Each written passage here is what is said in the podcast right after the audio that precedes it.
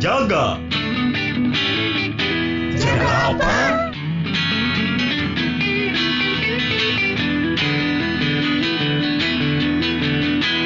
Jaga waras. Selamat wayah kia warga Jaga Waras berjumpa di telinga lagi bersama kami di Jaga Terang di episode ke 5 yang bertepatan dengan peringatan kemerdekaan Indonesia yang ke-76. Jadi di episode kali ini mungkin kita bakal ngobrol santai aja, bertukar opini eh, tentang terkait isu yang lagi hangat sekarang mungkin ya terkait kemerdekaan Indonesia yang ke-76. Oke, kali ini kita akan ngobrol kalau biasanya kita di sini saya sama Jeffrey berdua selalu ada orang ke- ketiga di antara kita Jeff ya. Yoi. Nah, sekarang selain uh, orang ketiga ada juga orang keempat. Nah, uh, di sini kita bakal ngobrol berempat, saya, Jeffrey, uh, terus kali ini kita kedatangan kawan lama dua orang. Si. Uh, ada Hilman, Man. Oh. Halo kawan lama. Hilman eh, Halo. jajaka asal Bogor ya, yang sekarang lagi tinggal di Yoi. Sukabumi. Udah nggak jajaka, eh. Iya. Oh, oh bener ya, bener bener bener. Satu Ayah lagi muda ada, berarti. ya, ya muda. Kayaknya dua-duanya ya muda ini, eh. Mhm. Ada Zulfahmi, eh, Ami, Mi, Mi. Halo, Halo. selamat Halo. malam. Selamat Semuanya. malam. Wah, Halo, ini, selamat malam. ini, ini. Ya, Ami ini mungkin sosok ayah muda Inamban para janda atau wanita wanita siapa pun itu ya Zal ya. Betul Wait, sekali. wait, wait, wait, wait. Kita Mi, ada ah, Mi, partisipan mah lain nih. aja ya Mi ya sebelum kita ngomongin ke konten yang sekarang nih tentang ke- arti kemerdekaan. Pernah nggak Mi ada cewek yang ngontak eh, terus manggil Mas atau Om boleh eh, minta nomor HP-nya atau boleh foto bareng nggak gitu atau ngedeketin dulu Mi ada nggak Mi? Ini kan katanya topiknya kemerdekaan nih nggak dulu ya Ya. kayaknya nih Pak. Yang bener Mi merdeka untuk bertanya. Merdeka untuk bertanya. Dan saya sepertinya tidak merdeka untuk menjawab nih. Lu semau lu Mi. Lu jawab terus ntar lu tanya balik Mi. Wow, wow, wow, wow, wow, wow, there. Sebentar, sebentar saya mendengar suara lain. Iya, iya, iya. boleh, boleh, boleh diperkenalkan ini siapa ya? Hei, ke mana Halo, dia? saya Ah, itu dia saya suaranya. saya hanyalah seorang pendengar yang pengen nimbrung sesekali. Oke. Ya. Nah, berarti nanti eh, Udah ya. warga Jaga Waras juga bisa join eh di mungkin di episode kapan gitu. Kalau misalkan eh, nanti ada bahan obrolan yang kayaknya bisa nih buat diobrolin sama kita, bisa join aja langsung eh, kontak kita di Instagram di jaga underscore waras Ya. di Twitter sama juga di situ. Oke, terima kasih pendengar. Wah kita dapat fans satu.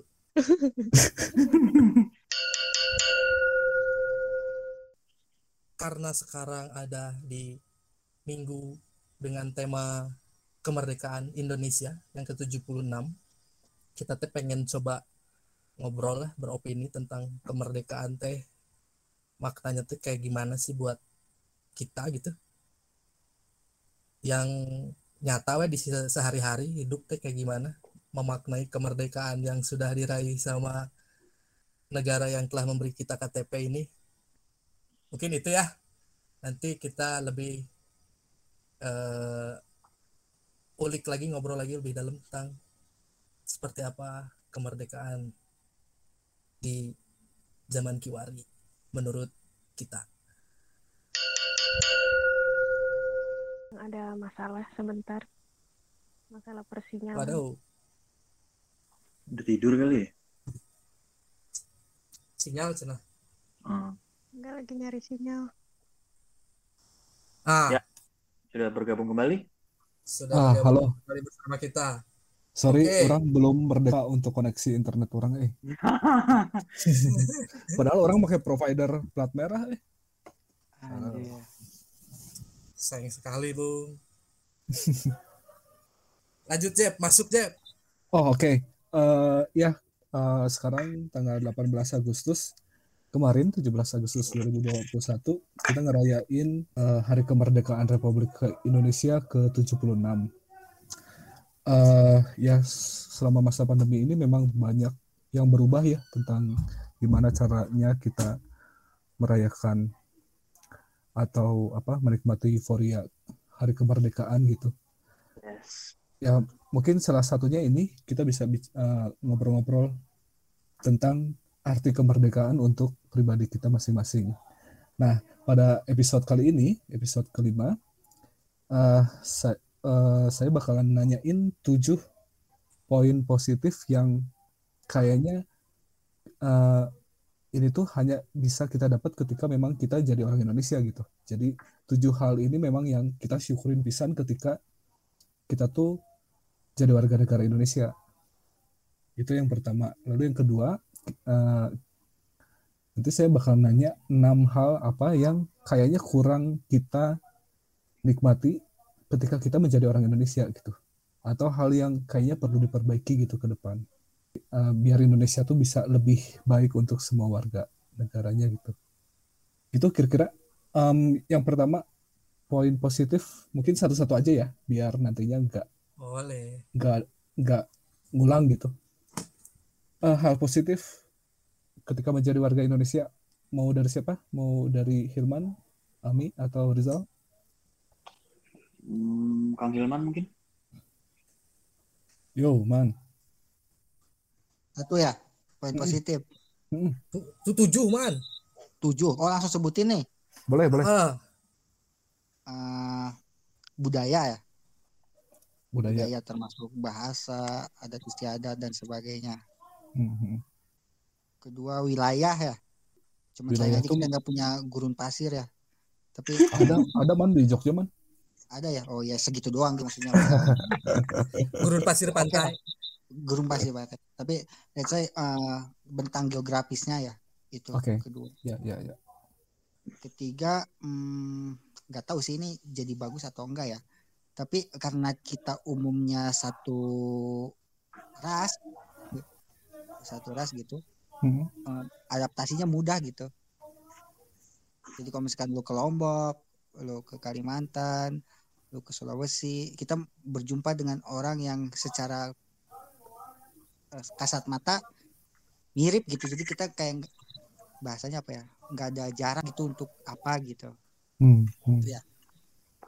Atau jadi mungkin bagus lebih gitu. ke bahasanya ya man. Maksudnya kalau ras mungkin bisanya ya eh, tanpa bermaksud rasis gitu. Mm-mm. Kalau ada orang Dayak yang warna kulitnya cukup terang, terus ketemu saudara kita yang dari Pa- Papua, dasarnya beda juga man gitu. Iya sih, tapi mungkin Hmm. perawakan ya, pembawaan mungkin ya. Oh, oke. Ya, ya, ya, Physically ya. lah ya, physically lah ya. Ah, physically gitu. Kita Oke. nggak Ya, ya, ya. nggak nggak yang terlalu gimana gitu. Hmm, karena terbiasa. Makanya itu nggak tahu itu bisa bisa positif, bisa negatif juga. Tapi yang jelas hmm, kita ketemu banyak orang tapi hmm, karena kita satu negara gitu, jadi kita kayak nggak ada canggung gitu walaupun secara ras kita beda gitu kan. Hmm, itu berapa tadi tiga anjir tuh. Tiga, Tiga, tiga. Eh, kan orang kudu bersyukur terlahir dan menjadi warga negara tuh, man. keempat Oke. Ah, ini susah aja. Tadi orang nanya ini bagian dari TWK enggak hanya?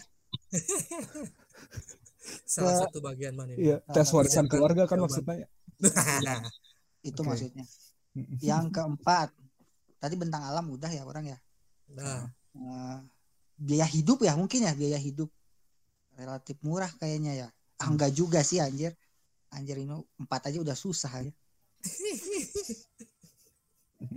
Makanan, banyak jajanan, Oh, bervariasi gitu ya.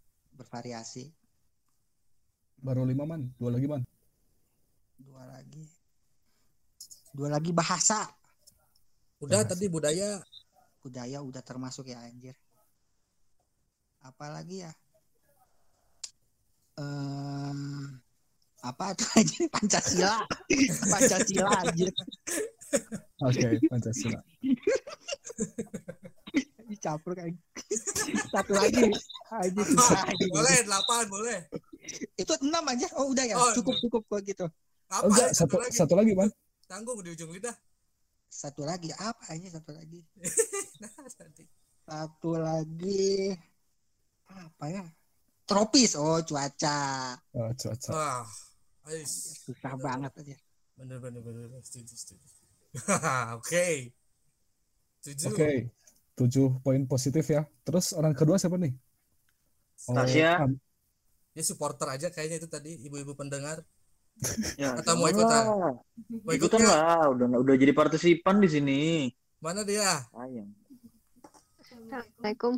Waalaikumsalam Merdeka apa ya selama WFH merdeka. Kerjanya tuh merdeka. oke Terus Itu menurut Anda. ya kan menurut saya kan nanti satu-satu. Nah, Em, merdeka Eh, susah ya merdeka di zaman pandemi gini. Merdeka harga tahu PCR turun. Apa? wah merdekanya berbeda sekali ya dari tahun-tahun sebelumnya merdeka harga PCR turun. Benar sih itu Merdeka tidak, sebagai tidak tidak itu tidak memerdekakan finansial eh ketika harus PCR 900k my god. Oh my god. Tahu gue tahu gue merdeka apa nih yang kedua. Em, kebetulan di sekolah yang sekarang gue merdeka mau ngajarin anak apa ya jadi nggak harus kaku sama kurikulum. Itu merdeka juga. Wow wah benar benar benar benar terus Itu di mungkin di sektor pendidikan kali ya. ya terlepas dari aturan Waduh. Anda harus ikutin K13, Enggak, Miss. nggak ha hey miss nggak dengarkan terlepas banget K13 sih mandat. kamu terus merdeka merdeka untuk jajan mungkin via online karena Oh. lagi banyak ongkir Hmm. Itu baru tiga ya merdeka ah susah eh. boleh skip dulu nggak boleh boleh boleh boleh boleh boleh coba Oke, next. Mau Bapak Ami? Eh, ayo Lumi susah kan gue ya. Merdeka. Ini mensyukuri di tengah kondisi pandemi kali ya. Merdeka bisa apa ya? Bisa masuk masuk kategori merdeka nggak ya? Kalau bisa ngasih tahu orang harus pakai masker, harus jaga jarak, itu merdeka nggak Pak masuknya? Hmm, Enggak. Merdeka. Kalau kata gue sih merdeka sih. Merdeka ya? Ya karena kan saling mungkin mungkin konteksnya saling mengingatkan untuk sama-sama menjaga. Terus merdeka juga. Karena WFA tadi mungkin bener Miss Tasya bilang. Jadi karena WFA impactnya ke saya istri WFA saya sendirian di Jakarta gitu. Merdeka dari tuntutan megang anak. Wah. Tahu lu sekarang merdekanya apa? Merdeka berbicara sekarang Lumi wah itu itu kemerdekaan yang lumayan ya. Di lumayan di sekali. sisi seorang bapak ya Pak Jeff Pak Rizal ya. Betul betul. Kemudian saya merdeka bisa pulang kantor eh, nggak mesti office hour karena peraturan dari eh, gubernur kan maksimal 50%. Hmm. Kemudian itu udah poin ketiga. Poin keempatnya eh, saya merdeka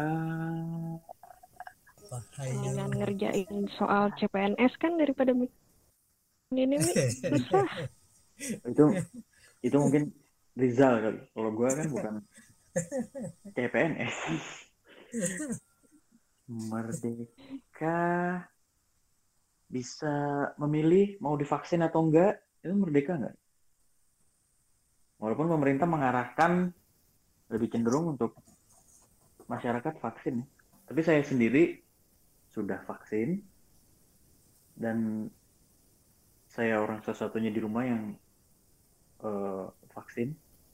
Sisanya, iya, Oh ya, Ben? sisanya anti vaksin.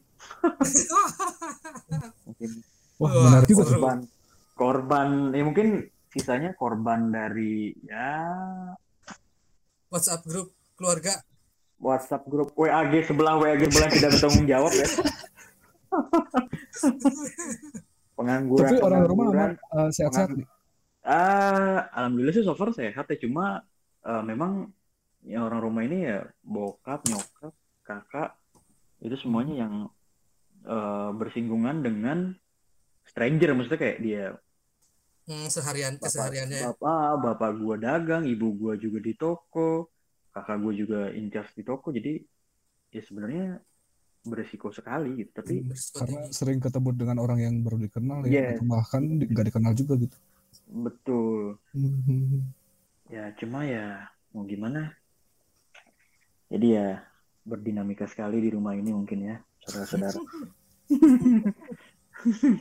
seru sekali nampaknya di rumah lima udah berapa? Baru baru empat ya? oh Baru empat. empat lima lima Karol. Yang kelima Merdeka dari promo-promo sama mungkin sama Miss Tasya tadi bilang Promo-promo. ini berdua ini Eh, enggak enggak. Kalau saya sih lebih ke eh beverage kayak minuman-minuman kayak kopi-kopi. Karena oh.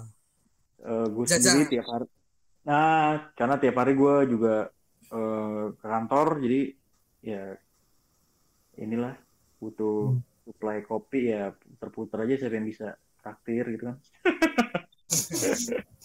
Mantap oh itu kemerdekaan sih bisa scroll scroll kemerdekaan di aplikasi makanan Hmm. online itu kemerdekaan itu Hmm.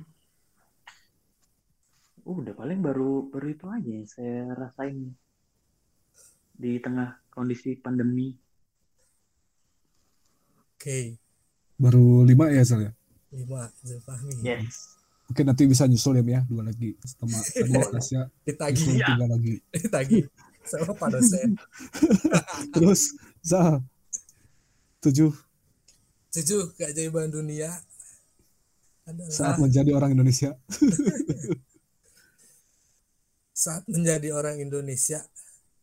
Pembandingnya naonnya jangan orang ya Ehm, parkir aja orang merdeka pisan parkir.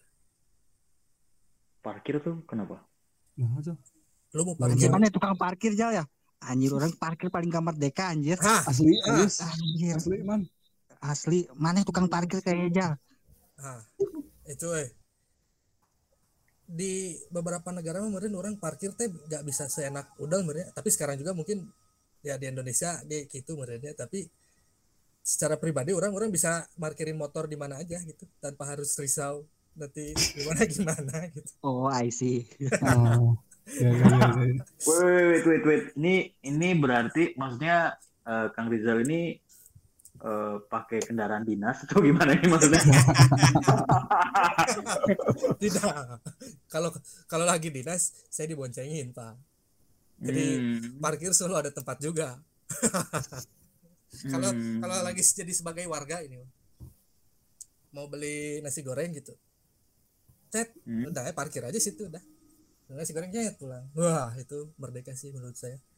Kalau dibandingkan di tempat-tempat gitu yang misalkan kalau kita mau ke suatu tempatnya kudu parkir hela di dia. Karena kemarin gitunya saya nonton ini eh, vlogger gitu di Amerika Serikat. Dia em, tinggal di van. Ya, van life van life itu Hmm, hmm. nah problem dia untuk tidur teh parkir gitu dia nggak bisa Hmm. parkir sembarangan eh. parkir harus di sini harus di sini harus di sini harus di sini Biasanya ada distriknya gitu bukan sih buat yang orang-orang yang tinggal di van gitu? Eh, eh, gitu kan di di sini parkirnya harus di sini coba di Indonesia mah parkir we sare Ya sih. Semerdeka tukang angkot berhenti ya. semerdeka tukang angkot Hmm. berhenti di perempatan tah Hmm. itu yang pertama yang kedua mah apalagi ya di Indonesia teh. Bebas beb, kalau saya mau mengartikan merdeka teh bebas ya tapi bebasnya bukan bebas bebas bebas tapi maksudnya ketika melakukan itu teh kita tidak ada ketakutan gitu. Ya ya. Jadi lakukan nah cuek cuek kayak parkir tadi gitu. Terus apalagi ya? Um, ah baru-baru ini mah saya merdeka bangun pagi eh. Bukan bangun pagi bangun tidur. Karena biasanya? Mas, biasanya nah kalau dulu pas tinggal masih di rumah orang tua jam Hmm. segini teh harus sudah bangun. Nah gitu kan. Tapi ketika udah tinggal sendiri teh sarenya ke rumah orang we. Itu Nah, kemerdekaan untuk saya pribadi tidur tapi tidak merdeka untuk untuk di hal lain bayar listrik jadi sendiri tembakau jadi sendiri itu mungkin nggak merdeka kali ya buat Kang Rizal ya tapi merdekanya di situ kita bisa menentukan menu sendiri itu merdeka juga eh Iya iya iya iya. iya. Menu di rumah sendiri tentukan itu Nggak ada yang kemerdekaan nyap nyap. Istilahnya nggak ada yang nyap nyap lah ya. itu tiga itu yang keempat teh ngedownload file dari internet. Hmm. itu yang saya rasakan salah satunya juga. Merdeka pisan.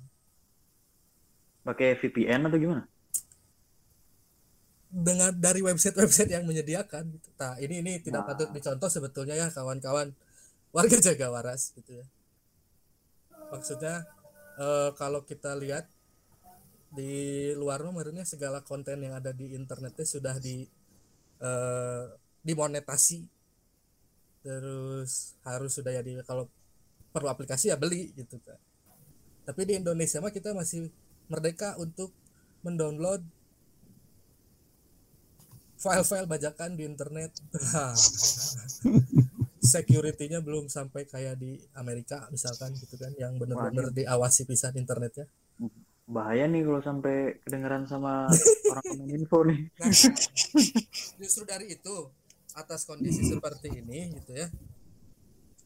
Kayaknya bisa jadi input juga mungkin wah Kominfo berarti ini cyber security harus dimantapkan lagi itu kan. Hmm. karena kondisinya itu kalau jatuhnya ke saya secara pribadi cukup merdeka ya dengan kondisi finansial yang sekarang. Itu. Terus apa lagi ya? Em, kemerdekaan. Karena kalau satu hal lagi juga gitu ya karena tadi saya mengartikan si kemerdekaan teh suatu kebebasan dan ketika melakukan apa-apa itu tidak ada rasa takut setelahnya gitu saya jadi mikir juga gitu eh, secara ya historisnya gitu zaman dulu di tahun 1908 Sutomo dan kawan-kawan membentuk Budi Utomo gitu kan ya Hmm. belum merdeka gitu kan maneh teh jadi ketika mereka mau ngapa-ngapain itu masih diiringi rasa takut takut apalah entah saat itu meren kolonialismenya Hmm. set sampai akhirnya mereka memerde- memerdekakan Indonesia gitu. Dar. Dan akhirnya di hari ini teh si kemerdekaan teh jatuhnya seperti yang tadi saya rasain dan tadi teman-teman bilang juga gitu.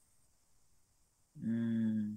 jadi kalau misalkan dikaitkan sama yang tadi itu yang Sutomo dan kawan-kawan di Budi Utomo teh mereka melakukan pemberontakan untuk merdeka gitu kan sedangkan kita tidak perlu melakukan pemberontakan kita teh sudah merdeka sejak lahir tah Hmm. eta ge menurut orang teh salah satu kenikmatan merdeka juga gitu kita teh udah merdeka sejak lahir tak kita teh tidak perlu memperjuangkan kemerdekaan dari rasa takut atau rasa apa pun itu gitu. jadi Borojor lahir ya sudah merdeka untuk parkir di mana saja merdeka untuk memilih menu makanan dan lain-lain tidak perlu eh, pusing melakukan melakukan pemberontakan sehingga zaman bahula itu sih yang paling apa ya eh, terasa mah itu.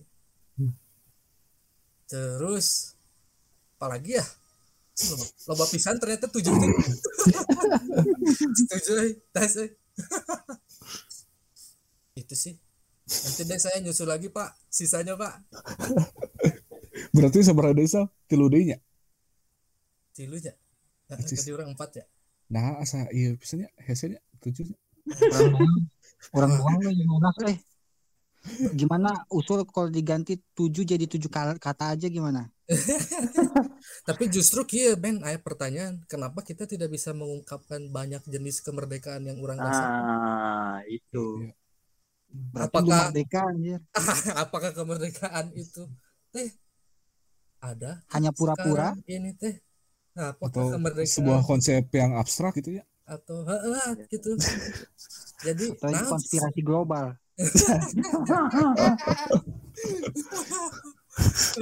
waduh, waduh. Dan apa ya mungkin dari Karena lagi pandemi kak, jadi mau ngapa-ngapain tuh takut. Jadi nggak merdeka Mungkin- gitu kalau lagi pandemi. Bisa. Kalau nggak sih. pandemi, merdeka mau liburan, merdeka mau ke mana. Hmm, hmm, hmm. Pandemi ya, bener sih eta. Setuju ya. Si pandemi ya. Tapi di balik pandemi gitu ya. Anggaplah kita ada di tahun 2019. Hmm. Rasanya gimana? Kebayang nggak si merdeka itu? Maksudnya ketika tidak ada pandemi gitu.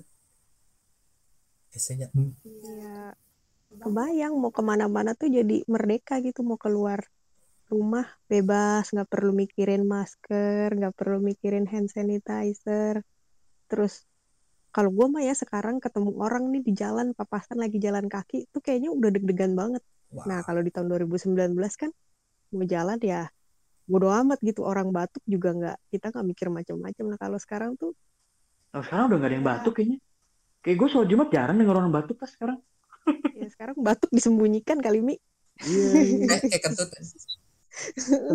Kentut lebih mulia kayaknya sekarang daripada batuk. iya bener. Mi, lu sholat Jumat nggak denger batuk coba tanya sesek nggak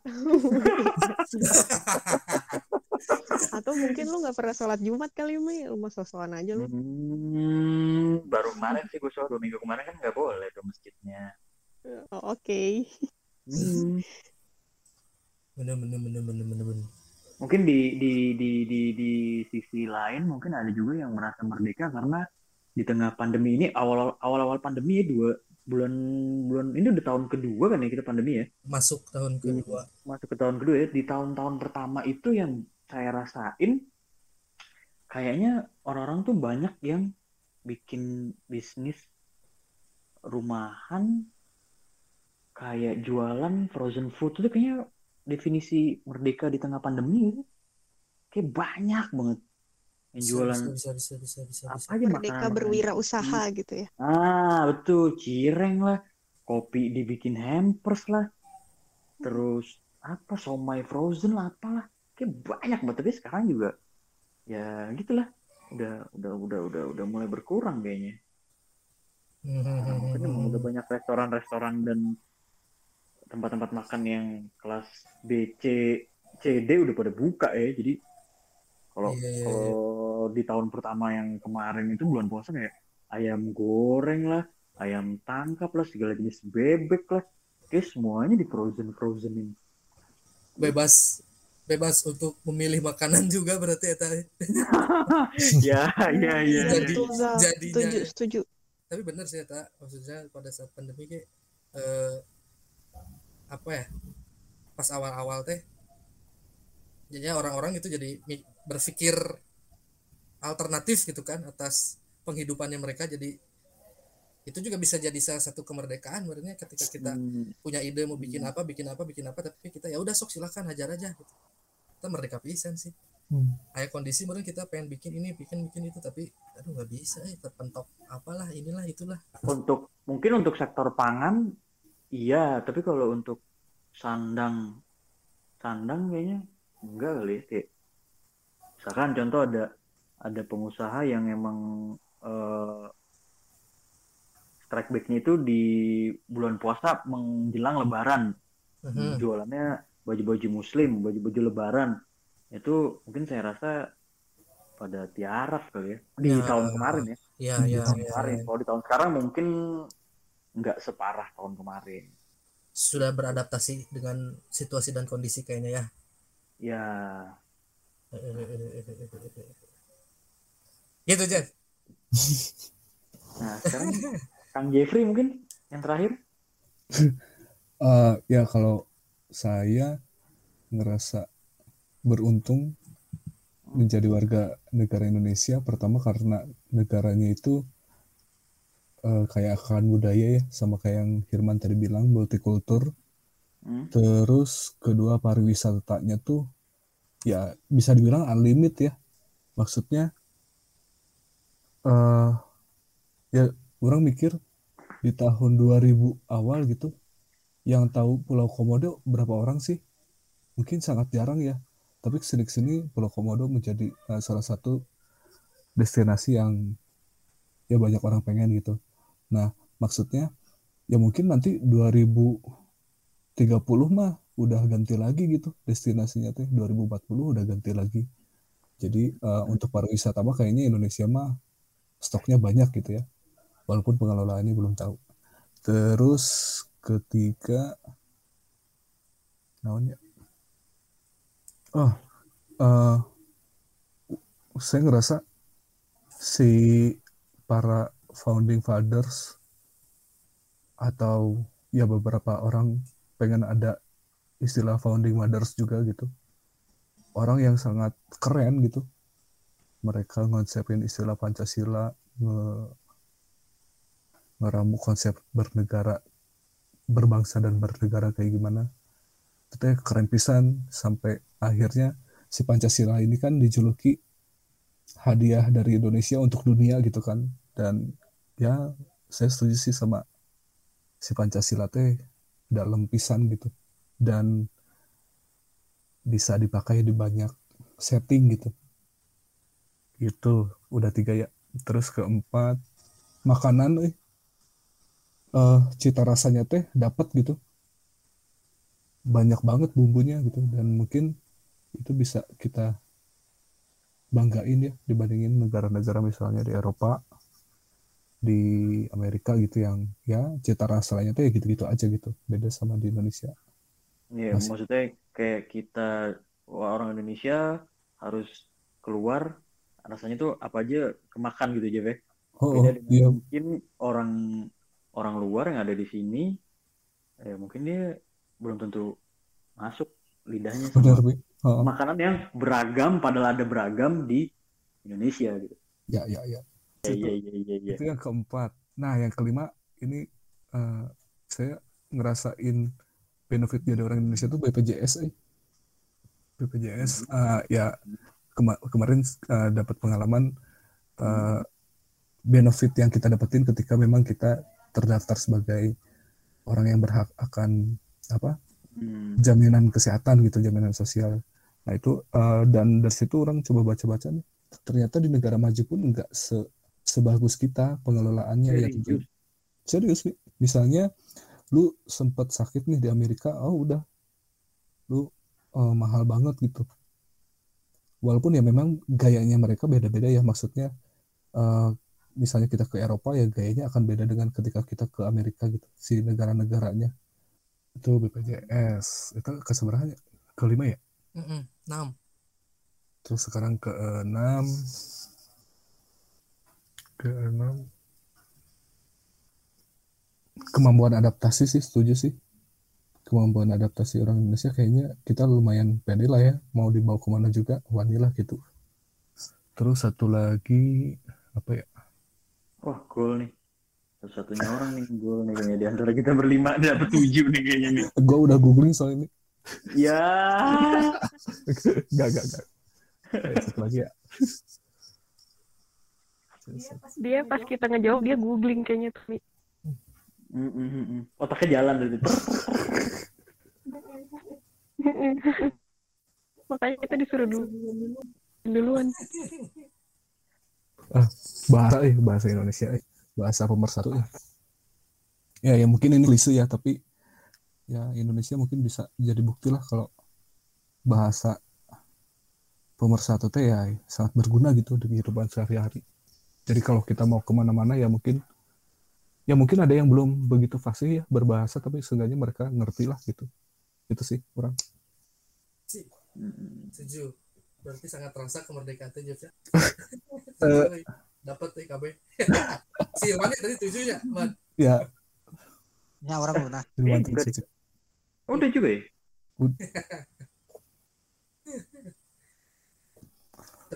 terus yang belum tadi Ami Tasya sama Rizal gimana udah udah ketemu Buset ditagih. Ah,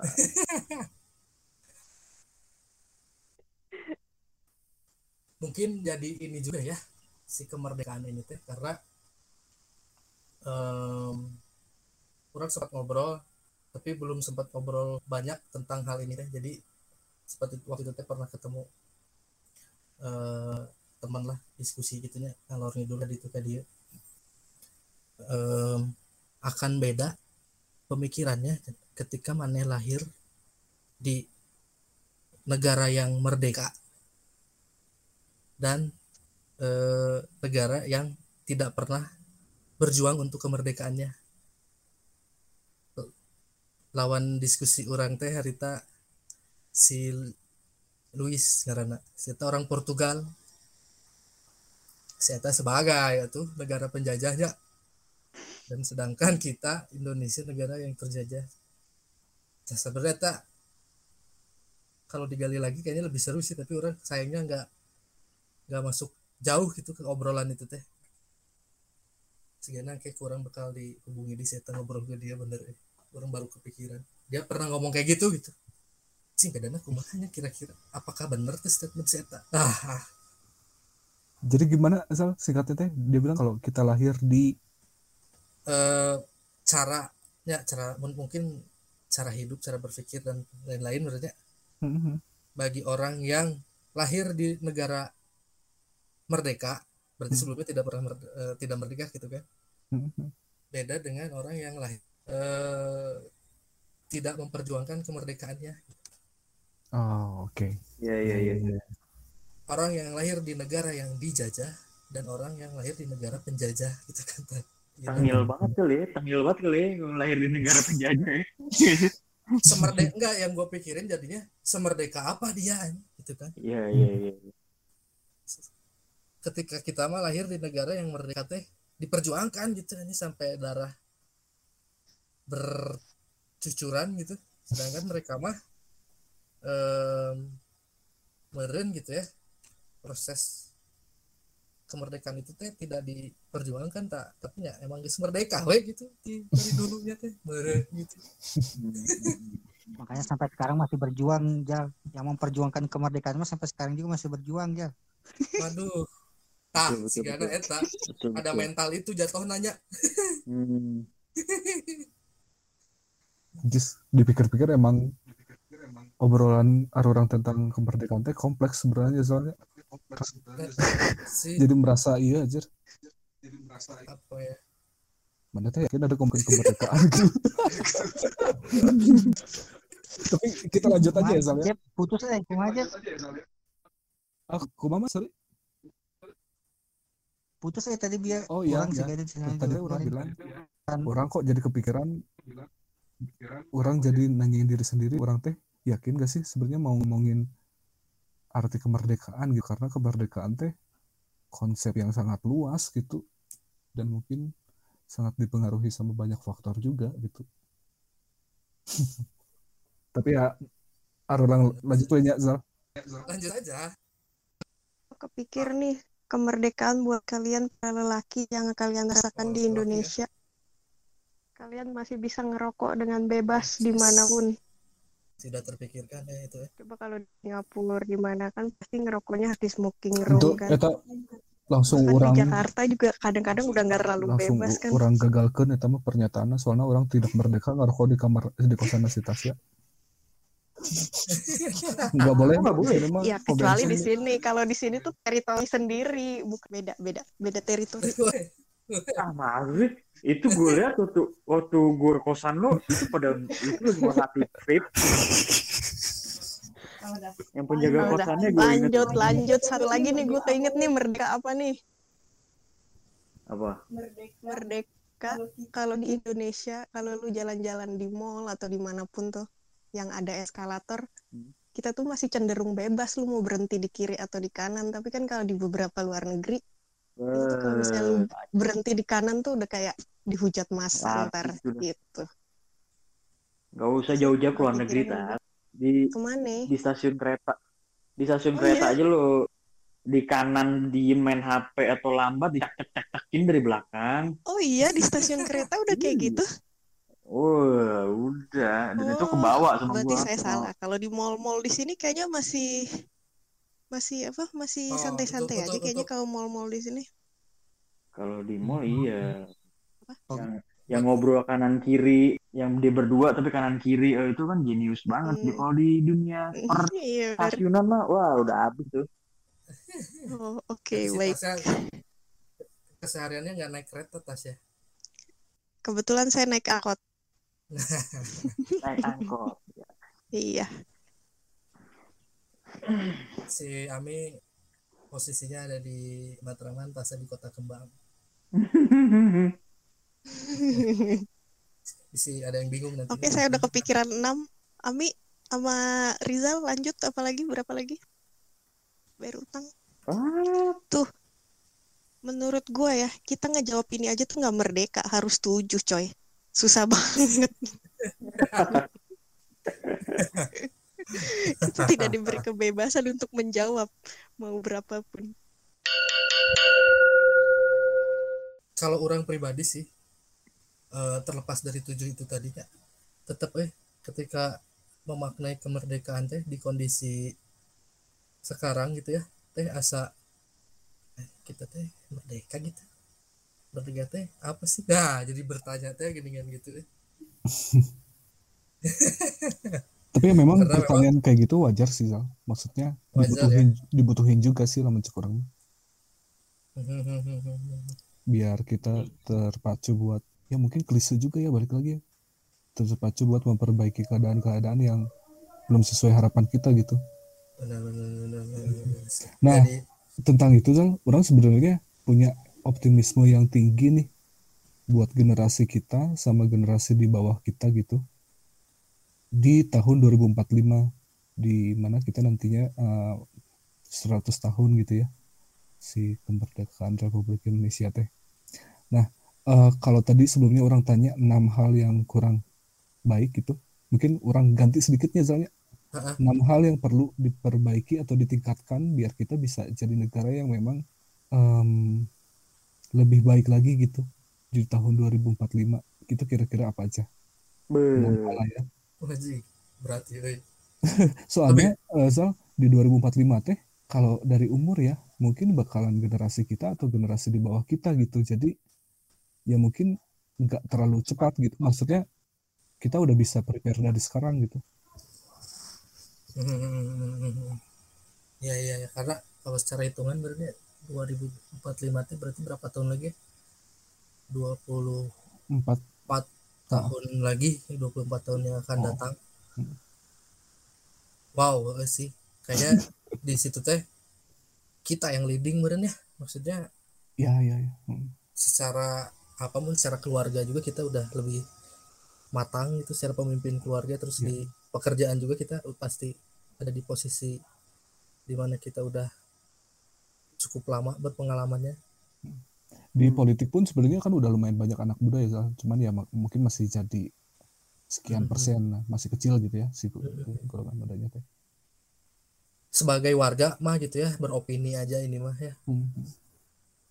yang satu perlu di eh, ini mah ngerinya yang paling kerasa birokrasi euy.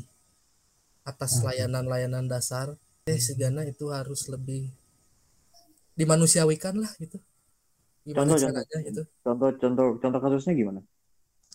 untuk misalkan apa ya gitu em, bikin KTP gitu ya Hmm, hmm. kan prosesnya teh panjang gitunya RT RW kelurahan kecamatan Hmm. terus itu ya set, set, set, Hmm. set, set. dan itu teh pasti ba- banyak makan waktu gitu Hmm. kayaknya kalau misalkan itu bisa di, disederhanakan gitu si proses itu teh kayaknya cukup indah juga ya hidup teh Hmm. kayak misalkan contohnya eh kita mau ke BPJS gitu ya ngurusin apalah eh, mau daftar atau misalkan sedang menggunakan layanan si BPJS eta nggak jarang kan kita dia diminta fotokopi KTP kakak dan lain-lain gitunya Hmm. Nah itu teh nggak usah bisa nggak sih itu tah nggak perlu ada proses itu gitu kayak kita cukup pakai kartu aja set gesek set set dah selesai Iya, iya. nah itu kan Ah, yang yang yang gue lihat jadinya eh, di negara kita itu eh, support dokumen kayak gitu jadinya kayak template ya.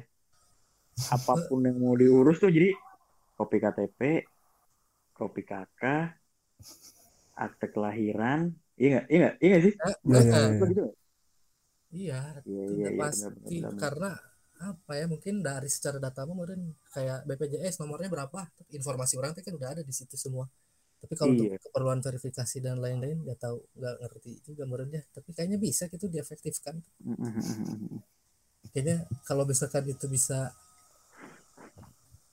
terjadi itu indah sih kayaknya itu Kalau bisa repot, kenapa harus gampang? nah itu harapannya di 2045 tidak ada itu ya. Iya, iya, iya. Setuju, setuju, setuju, setuju. udah Dan kayaknya kalau untuk birokrasi Sal, mungkin bakalan terbantu juga sama teknologi ya.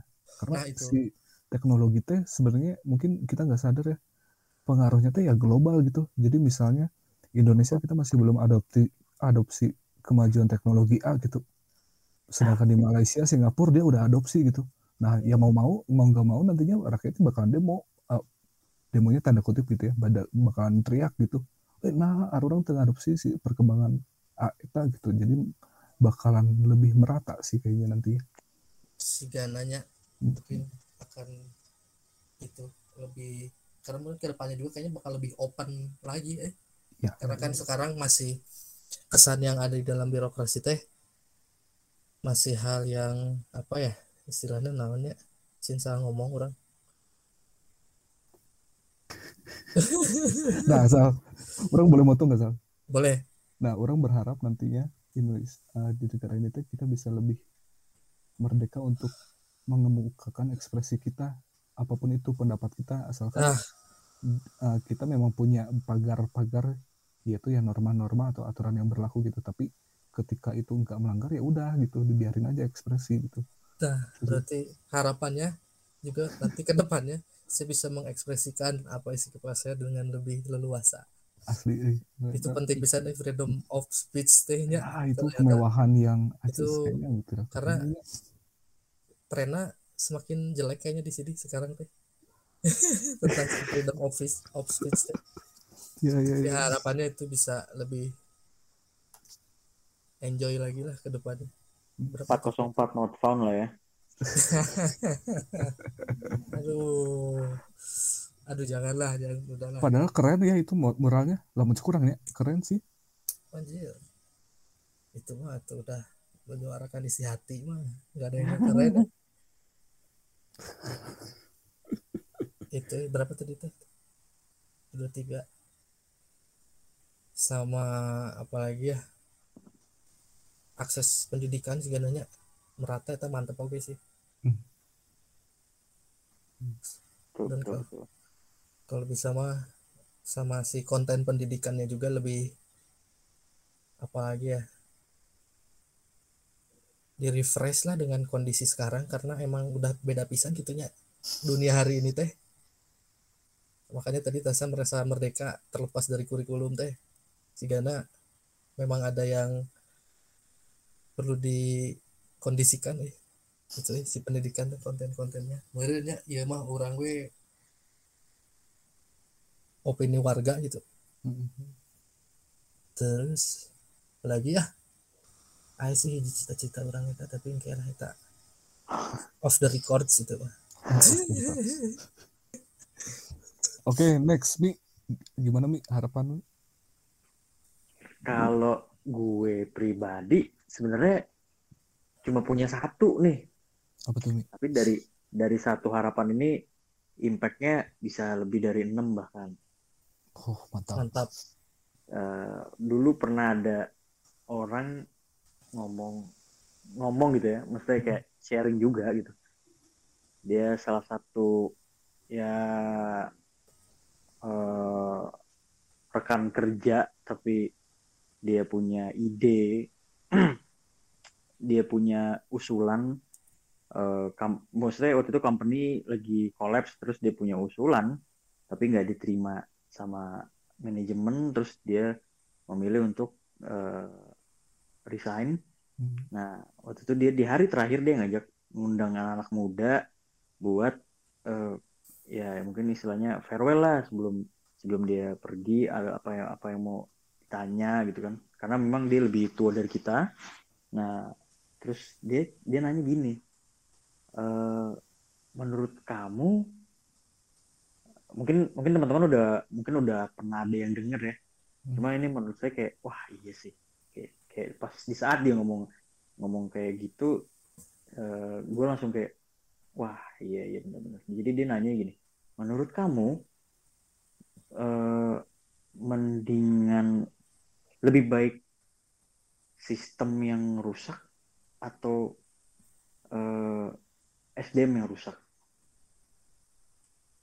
Dia nanya gitu. Terus eh ya dia jawab macam-macam ada yang jawab SDM ada yang jawab eh, SDM tuh maksudnya paham kan ya man, manpower Ya. lah ya maksudnya Hmm. orangnya gitu ya Hmm. terus ada yang jawab sistem dengan sistem apa yang rusak bisa dibenerin nah ternyata dia bilang kalau menurut dia itu mendingan eh, iya benar yang yang mendingan rusak tuh sistem gitu.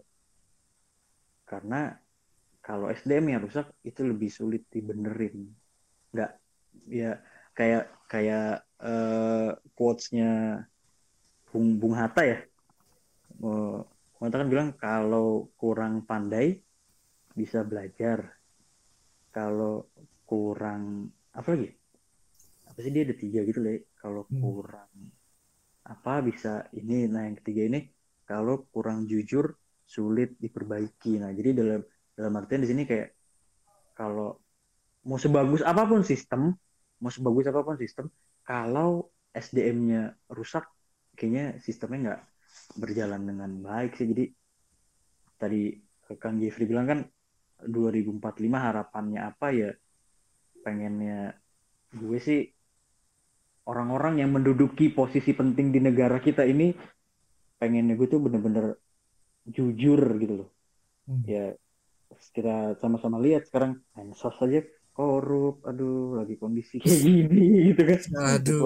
aduh asli itu sakit banget kan gitu aduh gimana itu bos Sakit dari kawan pisan. kita itu hmm, Pak Doni itu ya gimana tuh saya juga agak kurang aduh outstanding sekali ya Allah oh mi ini quotesnya Apa? Muhammad Hatta. Ngomong-ngomong lu keren juga ya tahu quotesnya Muhammad Hatta ya kurang cerdas dapat diperbaiki dengan belajar. Yes. Kurang cakap dapat dihilangkan dengan pengalaman. Namun Betul. tidak tidak jujur sulit diperbaiki. Wow. Nah itu itu. Ya ya ya ya. Itu bener-bener bener-bener eh, current condition negara kita sih. Hmm, karena- hmm, dari hal kecil ada dari lingkup kecil aja contoh eh dari lingkup apa ya? Lingkup terkecil apa ya? Rumah tangga rumah tangga di atasnya eh RT ya Zal ya? RT RW eh contoh deh kita ambil di RT aja. Misalkan RT mau bikin apa? Mau mau bikin eh yang lagi yang lagi current condition tuh apa? Eh, apa tuh namanya? Mau cuci tangan lah ya. Mau cuci Hmm. tangan. Misalkan dia mau bikin di lingkungan RT nilai proyeknya segini. Ini lingkup kecil aja nih nilai proyeknya segini ntar ada aja yang nyatut dibikin jadi segini. Maksudnya kantong itu tuh itu tuh itu tuh dari lingkup kecil aja miniatur kecil. Eh, masyarakat kita menurut menurut gue ya kalau menurut gue tuh itu ngaruh terus terus terus terus ke atas. Karena itu tadi manpowernya udah rusak dari kecil udah udah menjadi udah rusak sampai DNA-nya kali ya. Iya ini negara nih bakal gini-gini aja kalau menurut kalau menurut gue sih kalau menurut gue gitu ya.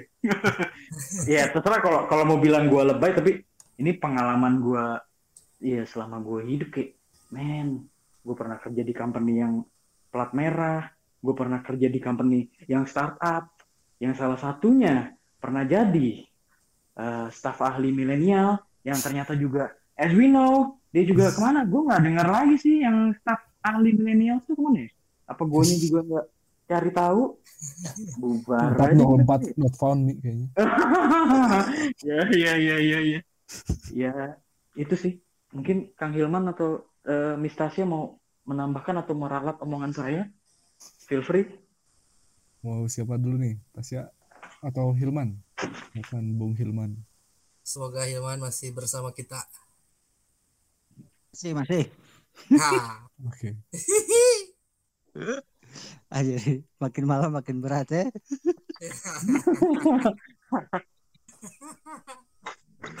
lanjut bang. Ya. orang setuju sih hmm, SDM ya. Yang perlu diperbaikin sebetulnya SDM lewat pendidikan sih. Satu itu sih. Uh, cuman yang jadi masalah nih uh, gue nggak tahu di mana nih pendidikan ini. Mungkin relate juga sama yang tadi dibilang Ami ya sama Bapak Ami tadi soal kejujuran ya. Eh, masalahnya nggak nggak nggak nggak sedikit orang yang berpendidikan gitu. Tapi hmm. eh, apa ya namanya? Bukan cuma kejujuran sih, mentalnya gitu loh. Kayak contohnya nih, kita dulu nggak naik kelas tuh aib banget anjir. Aib banget. Akhirnya eh, dia melakukan segala cara supaya naik kelas walaupun nggak bisa lingkup kecil juga tadi yang dibilang sama Ami akhirnya dia nyontek itu kan kalau RT tadi dicatur gitu kan akhirnya nyontek. Nah eh, gue nggak tahu di sebelah mananya nih pola pendidikannya atau gimana gitu. Tapi yang jelas pendidikan ideal yang menurut gue nih yang bisa memerdekakan itu sebetulnya bukan cuma pendidikannya sih tapi keteladanan dari kitanya. Nah gue nggak tahu diambil keteladanan itu dari mana. Masalahnya gini gurunya bilang jangan ngerokok tapi dia ngerokok depan kita. Gimana uh, mungkin kita mau nggak ngerokok kan gitu dibilang uh, jangan korupsi. Nih pejabat-pejabat kampanye jangan korupsi. Dia hanya korupsi. Gimana? Enggak RT-nya korupsi. Tidak nah, menjadi suri tauladannya eh, coba seandainya mm, bilang korupsi tapi enggak dianya nggak korupsi. Pas korupsi kitanya dihukum sesuai misalkan. Kan kita jadi beda dah ketelaudan kalau pasti pernah lah ngerasa kita segan lah karena kita mensegankan seseorang karena dia baik hmm. karena dia ini. Itu kan keteladanan ya. Nah orang nggak tahu di mana bagian mana nih pendidikan kita yang menghasilkan keteladanan nih. Karena menurut orang itu sih paling penting. Sampai orang segan untuk korupsi misalkan. Sama kayak di Singapura deh misalnya. Nggak boleh ngeludah. Kalau ada kita aja orang Indonesia ngeludah di situ pasti orang-orang pada ngeliatin kita kan. Karena hmm. orang lain nggak ngeludah. Akhirnya besok-besok kita kapok kan gitu. Karena semua orang bersepakat untuk enggak gitu meludah. Nah orang nggak tahu bagian mana. Tapi orang yakin itu bisa didapat dari pendidikan. Orang harus perbaiki pendidikan, pendidikan yang menghasilkan keteladanan. Gimana tuh orang nggak ngerti. Kayaknya itu sih kalau dari orang. Karena justru dari orang berpikir keteladanan itu teh muncul nanti di keluarga nggak sih seharusnya mah. Tuh, setuju. Apa itu teh tugas sekolah gitu? Enggak, enggak masih sekolah. Apakah... Pendidikan kan dari gini, eh, orang pernah dengar. Sebetulnya mungkin bisa jadi kita karena kita kurang pengalaman ya. Mhm. Amerika udah sekian ratus tahun merdeka. Inggris dari dulunya udah merdeka. Makanya wajar sekarang mapan karena dia berdasarkan pengalaman. Yang jadi masalah, pengalaman kita jadi pengetahuan enggak? Karena enggak mhm. setiap pengalaman jadi pengetahuan. Atau enggak setiap pengalaman mau kita jadikan pengetahuan. Masalah data misalkan dari dulu ini masalah datanya tapi enggak enggak dijadikan pengetahuan. Berulang-ulang lagi salahnya begitu kan. Sistem pendidikan itu menurut orang. Pengalaman yang tidak jadi pengetahuan. Nah ini kan rumit ya jadinya. Tapi kalau misalkan ngomongin ditarik dasar orang berkeyakinan nih pendidikan yang menghasilkan keteladanan sisanya itu mengikuti. Akhirnya hmm. karena keteladanan orang mau ber, terpikir berpikir terbuka bahwa naik kelas nggak apa-apa karena orang memang belum bisa hmm. karena substansinya pendidikan adalah buat bisa bukan ijazah nggak kayak gitu-gitu kan dapat dari mana hmm. karena ada teladannya hmm. gak naik kelas nyogok orang ikutin nah itu masalahnya sih menurut orang Tapi kan bilang gitu. sebenarnya kita nggak kekurangan tokoh bangsa ya. Maksudnya yang bisa dijadiin teladan gitu. Hmm, A- nggak Apa karena kurang ekspos ya? Kurang ekspos. Ya orang nggak tahu juga sih, Bang. Bisa jadi. Orang jarang lihat jadinya. Mungkin ya. Lumayan menguras emosi ya. Semakin malam diskusinya. Dan bisa jadi semakin liar oke. Tadi orang kepikiran apa ini pengaruh orde baru gitu. Maksudnya dia berkuasa 30 tahun sehingga semua semua tuh kena brainwash gitu termasuk mak pola pendidikan misalnya mata pelajaran misalnya kayak gitu kan. Wah. Itulah Ah, tapi dibiarin ngegantung dulu aja ya. Itu sisanya si, si- si- sisanya mungkin nanti kalau misalkan ada warga Jawares yang mendengarkan obrolan ngerol ngidul kita malam hari ini ini malam-malam kita recordingnya kalau mau beropini menangkis pendapat-pendapat kami di sini Kita butuh tuntunan. mention di Twitter jaga underscore waras Oke, next Tasya berarti ya. Yang perlu diperbaiki. oh siap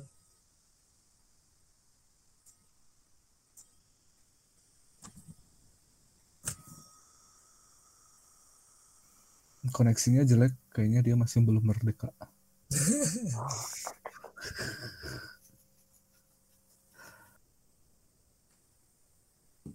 oke di sum up aja Sama ya. Em, ya eh, tadi kita di awal udah apa menyampaikan poin-poin yang jadi kebanggaan tersendiri gitu ya ketika kita menjadi warga negara Indonesia. Walaupun di samping itu ya tentunya kita harus mengakui juga kalau sebenarnya masih ada kondisi-kondisi yang masih perlu kita perbaiki eh, dan itu nggak hanya jadi kewajiban pemerintah, nggak hanya jadi guru di sekolah, nggak hanya eh, kewajiban misalnya anggota DPR siapa pun itu tapi itu kayaknya jadi tugas bersama. Apalagi ke depan ya kita tinggal nunggu estafet aja kan. Maksudnya generasi kita tinggal nunggu waktu aja di mana generasi kita akan menjadi generasi yang menjadi ujung tombak si pembangunan negara Indonesia gitu kan. Ya kurang lebih itu misalnya. Ya orang bingung ada ngomong naon deui soalnya acis ya orang jadi bertanya-tanya itu terlalu bagus ya kalau diskusi menimbulkan pertanyaan teh nanti akan ada bahan diskusi selanjutnya. Tapi intinya mah dari berbagai macam kemerdekaan yang kita rasakan itu di hari gini hari saat ini teh intinya mah dah akan lebih baik kemerdekaan eta teh kalau konteksnya negara gitunya ya bisa di apa yang orang rasakan kemerdekaan orang teh sama dengan yang si Ami rasakan sama dengan yang si Tasya rasakan sama yang eh, Mane rasakan si Hilman rasakan oke gitu jadi terdistribusikan dengan rata gitu kemerdekaan teh Hmm. harapannya mah gitu ke depan itu dengan yang Jadi kemerdekaan itu milik bersama ya, bukan milik Mm-mm. golongan tertentu, bu- Mm-mm. bukan milik pribadi tertentu, bukan Mm. milik keluarga tertentu gitu kan ya. Betul Ya, ya, bisa ya. gitu kan itu sih intinya mah mungkin ya sum up-nya mah